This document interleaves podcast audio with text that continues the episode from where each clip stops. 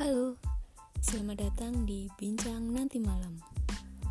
Podcast ini berisi tentang ruang diskusi yang membahas fenomena hari ini, di mana pengalaman keseharian dapat membentuk dan dibentuk oleh setiap individu manusia.